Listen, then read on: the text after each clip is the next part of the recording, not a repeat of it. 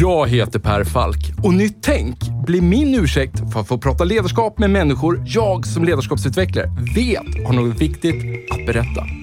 Och med tio avsnitt per säsong, varannan vecka, gräver vi därför ner oss i tekniker, principer och synsätt för att vi ska sätta fingret på vad som kännetecknar det ledarskap vi alla behöver se mer av. Och för att få de här samtalen att hända så har vi sponsorer. Först och främst min arbetsgivare Mindset, där jag och mina kollegor tar fram både små och stora ledarskapsprogram som skapar de nya beteenden som behövs för att få er strategi att hända. Allt handlar om att noga identifiera moments that matters. Samt Promote, som är den självklara digitala plattformen för dig som vill skapa effektfulla lärresor och ett mätbart resultat i verksamheten. Och om ni vill ge era nya medarbetare en riktigt bra introduktion med en välkomnande och effektfull onboarding så tycker jag ni ska kontakta superproffsiga Induction. Ni hittar såklart länkar i avsnittsbeskrivningen.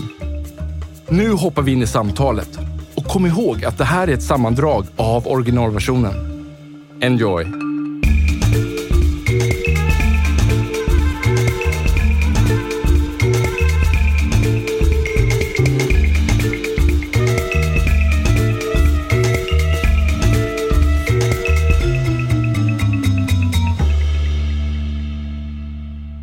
Seriöst, alltså, behöver vi verkligen lägga tid på att sitta och prata om engagemang i ett poddavsnitt. Jag, jag kan liksom bara känna att det, är, det känns som en så fruktansvärt tråkigt och tröttsamt område att sitta och, och, och traggla. Och kan liksom folk inte bara få gå till jobbet och, och, och jobba? Jag menar, man får ju lön ändå. Det är klart de kan få gå till jobbet och jobba och det är ju det många gör. Eh, och så kan man ju då göra det lite mer lustfyllt, att man går till jobbet för att man vill, inte bara för att man måste. Så blir ju livet lite härligare, skulle jag vilja påstå. Ja, ja. Går det att förändra en engagemangsnivå? Definitivt. Eh, och man kan ju både prata om engagemangs och, motivationsnivå. Engagemanget är ju mer den, det är ett bredare begrepp. Min känsla för min arbetsgivare, vårt varumärke, våra kunder, intressenter. Medan motivation är ett mycket snävare begrepp som handlar om den mängd och kvalitet på den drivkraft som jag har när jag utför en arbetsuppgift. Mm. Och båda kan man påverka väldigt, väldigt mycket. Det ser man väldigt tydligt i forskningen att det finns en väldigt klar logik och korrelation och dessutom en kausalitet i vissa fall då kring att utöva ett gott ledarskap innebär ju då att cheferna måste ha bra förutsättningar att inte bara vara duktiga chefer utan också duktiga ledare. Så kommer de genom sina beteenden påverka både engagemang och hur medarbetarna mår och hur de presterar, det vill säga i vilken grad de uppnå sina mål. Och det borde ju alla vara intresserade av, tycker jag. Och om det är någon nu som mot förmodan inte vet vem du är, Johan, inte sett dina inlägg på LinkedIn. hur, hur, skulle du liksom lägga fram dig själv, presentera dig själv? Eh, jag heter Johan Bok, kommer från Malmö och har alltid i hela mitt liv varit väldigt, väldigt ointresserad av saker. Alltså så här, det var ju många av mina kompisar, de skulle plocka isär allt skit som man hade när man var liten för att se hur det fungerade. Till exempel plocka sönder den här kameran som vi sitter eller micken eller din dator eller min klocka eller mina glasögon. Det kan inte så mycket att, plocka sönder för att se hur det funkar. Och jag har, jag har aldrig någonsin varit intresserad av det. Jag har aldrig haft en sån här känsla. Nu vill jag skruva sönder den här grejen för att se hur den fungerar. Däremot har jag så länge jag kan minnas varit jäkligt intresserad av, kanske för första fall så, hur jag fungerar och varför jag fungerar som jag gör. Men också då på senare år eh, varit intresserad av vad är det som skapar förutsättningar för motivation och engagemang och varför mår vissa människor väldigt bra och är lyckliga och vissa eh, andra inte och varför presterar vissa väldigt bra och andra inte och ja. så vidare. Så ja. det har jag alltid varit superintresserad av. Ja. Och så här, jag var ju lite ironisk där i början. Du tog det ju bra där tycker jag. Eh, men så här, det som fascinerar mig kring motivation och engagemang, det är så att det är ju inte så att kunskapen inte finns. Nej. Det är heller inte svårt att ta till sig eller förstå. Men, men, ändå har vi de siffror vi har. Ja, det är ju svårt och, att börja göra. Det är ju det som är grejen. Ja, mm. och det är också så här att jag i dagarna faktiskt har satt er bok, Börja göra, i händerna på min fru, som här i dagarna går på som CPO på mm. Boliden. Oj, oj, oj. För jag tycker den är, är, riktigt bra. Och jag kan inte tänka mig någon finare person än du Johan att få dissekera det här området med. Och jag tänkte så här, jag, jag, tänkte att den här intervjun får bli en liten snabbspolad variant av, av boken här.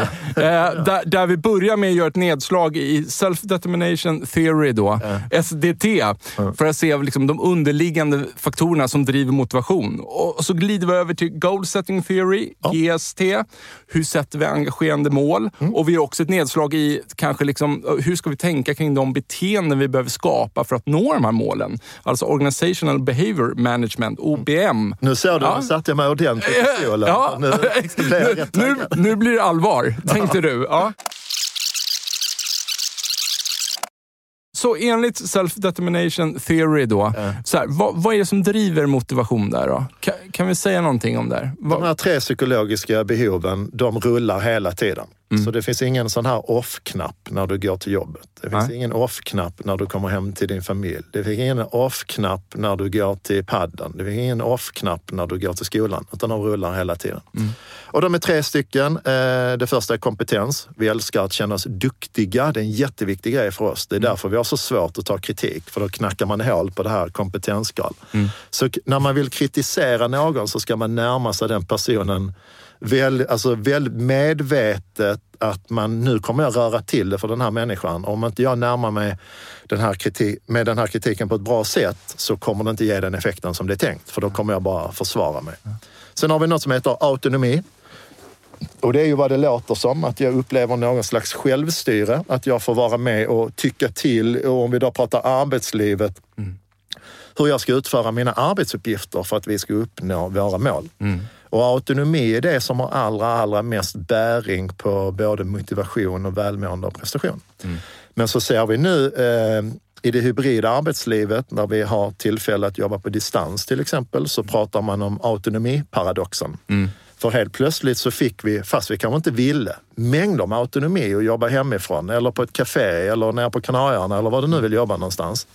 Så ser man att nu i studier så ser man att de människor som har fått eh, förmånen, kanske man ska säga, vi kan börja med att säga förmånen i alla fall, att komma, kunna jobba flexibelt, då ser man att när man får möjligheten att jobba var som helst, kanske hur som helst och när som helst, så ser man i forskning att man tenderar att jobba överallt hela tiden.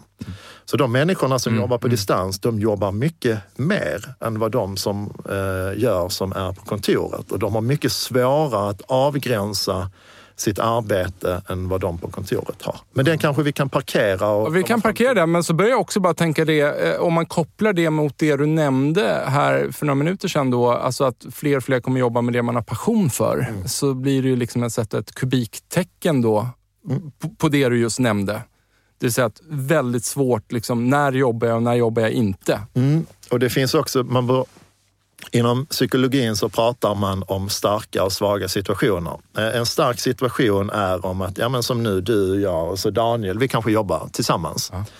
Vi är här på kontoret, vi jobbar alla mot samma mål. Vi gör kanske inte riktigt samma saker, men jag kommer hela tiden se och överhöra eh, vad ni gör. Mm. Eh, jag kommer, eh, vi kommer prata om det på lunchrasterna. Så det brukar man kalla en stark äh, situation. I en sån situation är det väldigt lätt att orientera sig. Mm. Det är väldigt naturligt för mig vad jag ska göra, vilka beslut jag ska ta, för de kommer studsa mot er och era beteenden hela tiden. Mm. Så i en stark situation är det lätt att det är mycket enklare kognitivt att verka i en sån situation. En svag situation är kanske när jag sitter hemma själv där jag inte har någon att studsa mot, förutom kanske inte när jag sitter i ett uppgiftsorienterat eh, Teamsmöte, vilket det ofta är. Då blir det mycket svårare för oss att avgöra, liksom så, var är vi på väg? Vad är det som är prioriterat? Är det någon som ser mina prestationer och, mm, och ser jag andras prestationer? Mm, så då är det kanske det är ju inte att det är dåligt att jobba på distans, men där finns ju vissa utmaningar man måste titta på. Det är liksom så, hur skapar vi en stark situation när folk jobbar på distans? Då? Jo, en möjlighet skulle kunna vara att man delar skärm kanske flera timmar om dagen. Mm. Inte bara när du och jag har ett mm. möte, utan vi sitter och jobbar med det som vi jobbar med framför datorn. Om man nu sitter framför datorn och jobbar, det gör man kanske inte alltid. Och då kan vi bara slänga lite käft med varandra över det digitala skrivbordet mm. till exempel. Ja, eller jag vet inte. Jag skulle nog bara gilla att, att jag bara kunde se min, även om vi inte pratar så mycket, Ja. att jag bara ser mina kollegor på något märkligt sätt. Liksom. Prova dela skärm. Det känns lite märkligt i början. Bara, Va, ska vi dela skärm när det inte är ett möte? Ja. Men efter ett tag så kändes det väldigt, väldigt naturligt. Ja. Kompetens, autonomi. Berörde vi den tredje? Nej. Nej, vad var det? Jag tänkte påminna dig. Det handlar om samhörighet. Ja. Man pratar mycket, mycket om psykologisk trygghet, att jag får lov att komma till jobbet och vara precis som den jag är. Ja. Det finns ett undantag, det är om man är en elak eller ohövlig rackare, för det ska man inte få lov att vara. Det finns något som heter bad apple-teorin och då ser man att det räcker om man har ett så kallat bad apple i sitt team Mm. eh, så kommer det stinka väldigt, väldigt mycket och det kommer stinka än mer ju mer ömsesidigt beroende man har av varandra. Så då ser man att en elak och en ohövlig rackare kan dra ner den totala arbetsprestationen i hela teamet med 30 till 40 procent. Ja. Så när jag stiger innanför dörren på arbetet, oavsett om det är en fysisk eller digital dörr, så kommer jag genom mina beteenden påverka mina medarbetare eller mina arbetskamrater antingen positivt eller negativt. Ja. Så vi ska vara Alltså om man är glad hela tiden är det fantastiskt bra, men det är kanske inte något man kan grunda ett lönesamtal på. Men vi ska ha schyssta beteenden, vi ska vara omtänksamma mot varandra. Och sen finns det ju det där med, som jag sa sist, med, med omtanke. Vi ska uppleva en hög grad av omtanke och tacksamhet. Så när jag kommer till jobbet så ska jag känna så här bara, fy fan vad alla här, eh, vad vi bryr oss om varandra. Så jag ska inte känna att det finns någon otrevlig eller ohövlig eller elak rackare på jobbet, för det kommer det påverka mig väldigt, väldigt negativt. Där ser man ju då vikten av att, och, eh, ja, ska man använda ett sånt uttryck, sortera bort det här bad apple. Eh, Även om den individen kanske presterar på ett individuellt plan, eh, att våga lyfta bort det ur varukorgen. Då, då. Ja, och då kan man ju säga, vi ponerar att forskningen stämmer. För det är ju en av och när man pratar om teorier så Ja. är det ju metastudier. Så ser man så, ja men Per, han kanske säljer bäst av alla. Eh, Men han är ett rövhål gentemot de andra, sina arbetskamrater och får dem att må och prestera sämre. Så då är det kanske du som gör den sämsta insatsen fast du säljer bäst. En tanke jag fick här, nu, så här, de här tre områdena driver ju motivation. Jag börjar tänka så här, motivation, liksom, det är ju en känsla Ja. då jag får när jag kliver in där på arbetsplatsen genom dörren, som du säger. I slutändan så borde det då vara någon sorts kemisk sammansättning i, i hjärnan som gör att jag känner mig motiverad då. Ja, det finns ju massor med kemiska sammansättningar. Det, det som är intressant med vår hjärna när det kommer till motivation, det är ju att vi påverkas oerhört mycket av människor och beteenden och strukturer eh, omkring oss. Så jag skulle inte säga om jag var din chef att jag kanske kan motivera dig, men jag kan skapa förutsättningar runt dig att motivera dig själv. Så det är en ganska stor skillnad. Så cheferna har ju då ett stort ansvar att se till att vi har så bra förutsättningar runt oss eh, så att vi känner ett hög grad av motivation. Vi tycker att det blir enklare att göra, alltså så att det finns strukturer som förenklar för oss att göra ett bra jobb, inte tvärtom. Mm, mm. Så vi, vår hjärna är väldigt känslig eh, kring eh, framförallt då motivation. Så du kan ju ha motivation att göra någonting, men eh, om man till slut aldrig upplever att man blir uppmuntrad eller uppföljd eller återkopplad eller synliggjord på de här sakerna så kommer motivationen att dämpas. När det kommer till våra beteenden och motivation för beteenden så är vi väldigt lätt påverkbara. Vi har ju unika och vi är komplexa, men när det kommer till beteenden så är vi väldigt enkla. Det vill säga att det vi uppmuntras för kommer vi göra mer av. En en liten ledande fråga från min sida. Då. Men det, det låter ju då på dig som att eh, liksom, eh, hmm, den formella chefen och, och, och ledarskapet då, som den här chefen står för eh, har en rätt hög effekt på om den här motivationen kommer uppstå eller inte inom Ja. en grupp. Om vi då återgår till Gallup, de bedriver en massa andra studier också, så ser man att chefens beteende påverkar 80 procent av variansen av engagemanget i teamet. Så vad chefen gör och inte gör kommer vara totalt avgörande för hans eller hennes medarbetares engagemang, och motivation och välmående och prestation.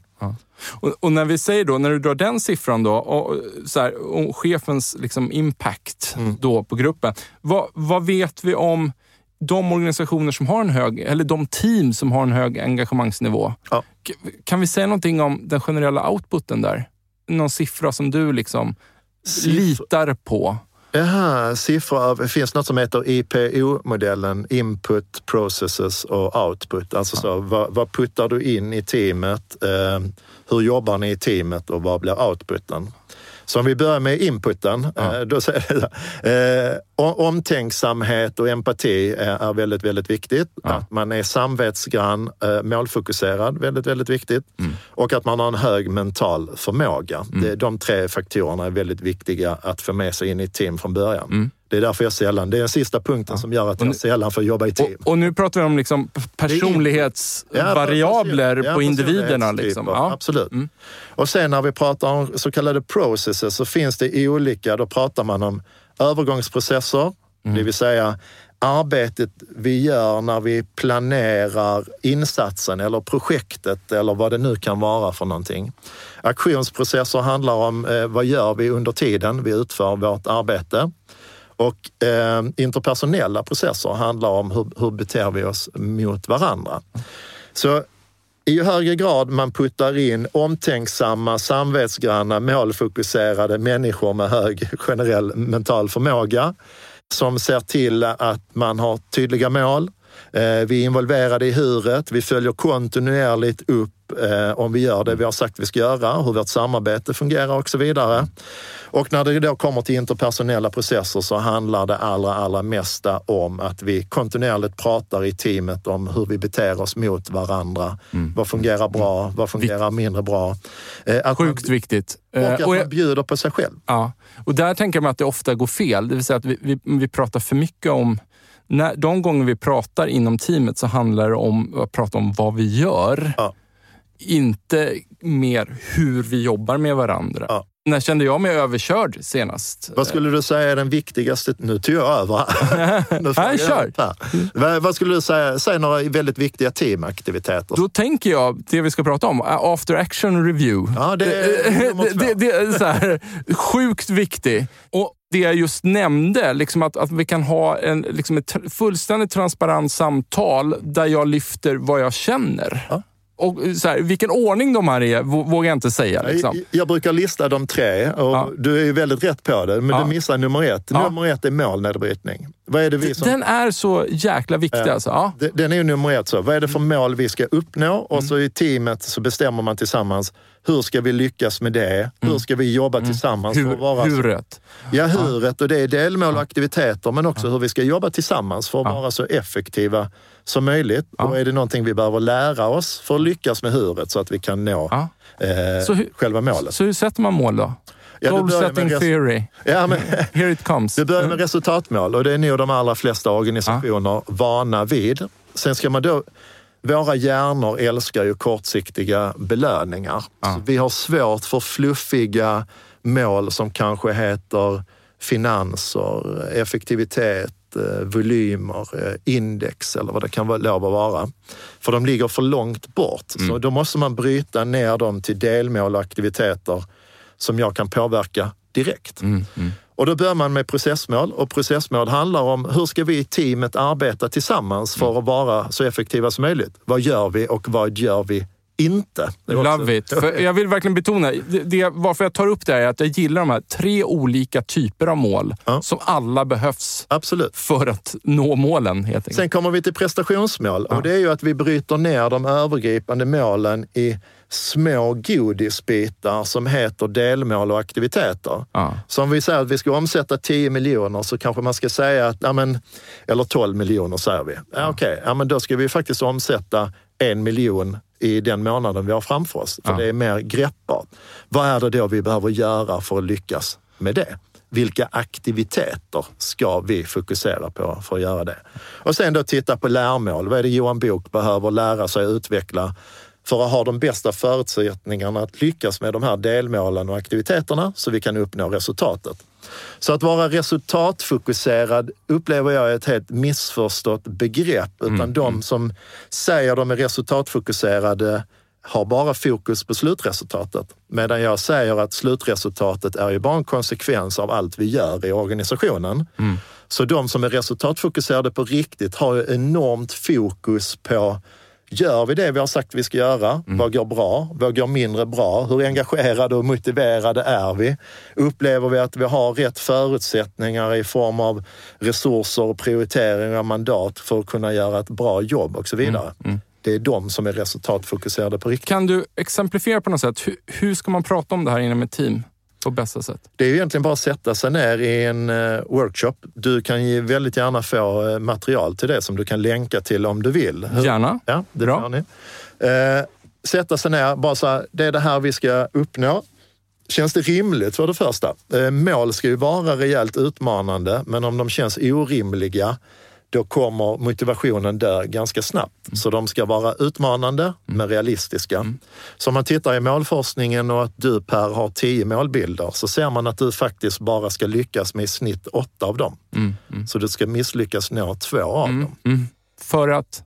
För det är motiverande i sig, att du känner att man, för då kan man stretcha målen ja, lite. Ja, ja. Eh, och, och då måste vi också bygga in i vår organisation att det är helt okej okay att ha en viss grad av misslyckande, för vi har stretchat målen lite, lite till. Så att ha fokus på huret i mycket högre utsträckning, eller framförallt kanske kunna säga ha fokus på huret, att det händer och att vi sen kan följa ut, eh, upp utfallet av det. Liksom. För om vi bara följer upp slutresultatet, det finns ju inga förklaringsfaktorer överhuvudtaget. Mm. Men om vi har brutit ner det i att det här är de absolut viktigaste delmålen och aktiviteterna och så följer vi upp det efterhand och så kommer vi upp, upptäcka att vissa saker lyckas vi väldigt bra med. Mm.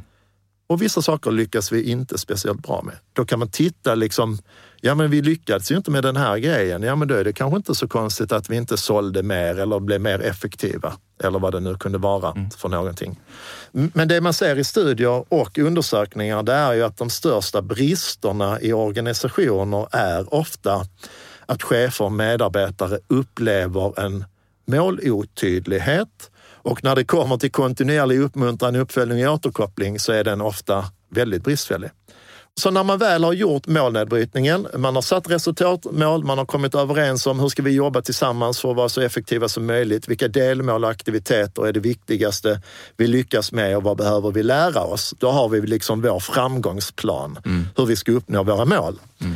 Sen AAAR, After Action Reviews, ser man ju i metastudier förbättrar arbetsprestation med i snitt 25 procent. Sen kom det ut en ny metastudie nu för bara någon månad sen som, som, eh, där man då säger att nej, effekthemtagningen är nog ännu högre. Mm. Och då betyder det att man börjar kontinuerligt följa upp på både team och individnivå. Vi brukar rekommendera att man gör det en gång i månaden, både per team och individ som mm. man då är chef över. Och då följer man upp och då kan det ju vara ett prestationsmål man följer upp, det vill säga en aktivitet. Den här aktiviteten som vi var så jäkla viktig, som vi sa, mm. var så jäkla viktig. Har vi gjort den? Mm. Tyckte vi att det gick bra eller mindre bra? Mm. Så när det kommer till målsättning och uppföljning så måste vi våga släppa att vi bara följer upp saker som vi kan hämta ur ett system. Mm. Utan vi måste också börja följa upp de sakerna vi har sagt vi ska göra och hur vi upplever att det har gått. Mm. Så egentligen går AAR ut på att man kontinuerligt pratar om eh, vilket mål pratar vi om? Mm. Hur ser utfallet ut? Vad gick bra? Varför gick det bra? Och mm. vad gick mindre bra? Och vad gör vi åt det? Mm. Så man pratar egentligen om lyckas vi med huret i första hand och mm. hur blir då mm. utfallet i mm. form av monetära resultat eller, eller vad det nu kan vara. Så det blir, det jag hör dig säga är att, att vi gör hela processen till en mer lärande process? Ja, ja men definitivt. Ja. Framförallt Eh, vi pratar nu kommer vi nu in på OBM som ja, vi vill. Okay. Eh, vi pratar hela tiden om beteenden. Det är ju de sakerna som vi gör som mm. kommer bidra till resultatet. Då måste vi bygga in strukturer som främjar de beteenden som vi vill se mer av. Mm. Och när det kommer till att vi blir uppmuntrade, uppföljda och återkopplade på någonting, mm. då kommer jag hela tiden uppleva att oh, de här grejerna är ju viktiga. Det är någon som ser mig, det är någon som uppmuntrar mm. mig, det är någon som följer upp mig och återkopplar och jag upplever en målprogress. Mm. Jag ska ha klart för mig vilka beteende och aktiviteter det är som jag ska utföra för att lyckas med det och att jag känner mig uppmuntrad, uppföljd och återkopplad. Mm. Så nummer ett, att jag upplever att det finns en tydlig attraktiv riktning, ett mål där borta som jag känner så här, shit vad jag vill vara med på den resan mot det målet. Mm. För det verkar vettigt och värdefullt, inte bara för min organisation och våra kunder och intressenter, mm. utan även för mig. Mm. Men då gäller det att man då definierar vad är det vi ska uppnå och vad ska vi göra på beteendenivå. Mm. Nummer två är att när jag för det första ska jag, någon ska uppmuntra mig att börja göra de där nya sakerna. Det kan vara chefen och det kan också vara ett ansvarsområde i medarbetarskapet. Att om det är du och jag, Daniel, som jobbar tillsammans mest med den här grejen, mm. ja men då kan ju vi uppmuntra, följa upp och återkoppla mm. varandra på det. För det mm. kommer det trigga våra beteenden. Men det är någon som ska uppmuntra mig att börja göra det och i så nära anslutning som möjligt till det här nya beteendet som det då kanske är, så ska jag uppleva någon slags synlighet och uppmuntran på beteendet. För då kommer jag vilja göra det ännu mer. Och nummer tre är att jag upplever en målprogress. Det är därför man bryter ner de övergripande... En rör, känsla av rörelse framåt? Ja, och det handlar om att vi bryter ner de där övergripande målen som kanske är monetära eller kvalitet i index till, två, eller till små godisbitar som jag sa innan. Ja. Att vi hela tiden känner, åh nu lyckades vi med det, nu lyckades vi med det, nu lyckades vi med det här. Som är vägen till målet som då kanske ligger mycket längre fram och är mycket fluffigare. Ofta när vi är ute och pratar eller jag hör andra prata så kan man ofta tycka så här, det är ju floskler, jag har hört det innan. Ja. Men om man då ställer en konkret fråga, ja okej okay, du tycker det är en floskel, hur efterlever ni det här i er organisation? Mm. Så finns det ett gigantiskt gap ofta medan det vi, forskning, det vi i forskningen ser är det absolut bästa från verksamhet och hur man faktiskt gör. Men, men vad är då, så här, med all din erfarenhet, vad är din, även om vi inte har några siffror på det, utan bara frågar kring din magkänsla, så här, varför är det så? Varför har det blivit så? Vi har ju strukturer som drar våra beteenden åt ett helt annat håll. Det är det som är det stora problemet. Då kommer vi in på OBM. Det är det hela OBM handlar om. Så mm. vad är det som drar i våra beteenden? Mm. Mm. Varför beter vi oss som vi gör? Så om vi tittar i näringslivet till exempel så kan man ju säga så. Vi ska ha ett fantastiskt ledarskap. Vi ska ha ett fantastiskt medarbetarskap. Vi ska leva vår värdegrund. Mm. Men vad är det man målsätter, mäter och följer upp? Ja, det är helt andra mm, saker. Mm, mm, mm, Så då har man egentligen då strukturer som hämmar engagemang och motivation och goda ledarskapet och goda medarbetarskapet. Så anledningen till att man sällan lyckas med de här frågorna, det är att de inte kommer in på prioriteringslistan hos både chefer och medarbetare. Så jag brukar säga så här, om vi skulle jobba med vår vårt ledarskap och medarbetare engagemangsstyrning på samma sätt som vi jobbar med vår ekonomistyrning. Mm. Det vill säga att vi har ett jäkligt tydligt mål mm. som vi kontinuerligt följer upp. Inte bara en gång per år eller vartannat år som vissa medarbetarundersökningar är. Mm.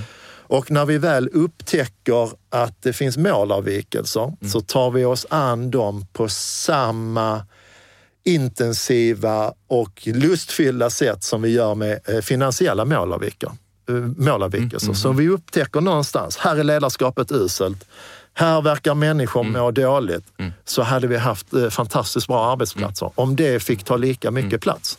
Så det finns ingen konflikt i att jobba sätta hårda mål kring medarbetarengagemang och gott ledarskap. För det är de, det man ofta tror. Du, vi gör så här. Vi lägger in en länk till Börja göra-boken. Och vi lägger in en länk till, vad var det vi pratade om tidigare? Mallen Mallen. korrekt utformat och genomfört målsättningsarbete. Sinnessjukt ja. roligt att du kom förbi Johan. Detsamma. Stort tack för att jag fick komma. Ja, men tack. Hörni, tack till våra sponsorer Mindset, Promote samt Induction för att ni tror på den här produktionen. Ta hand om er.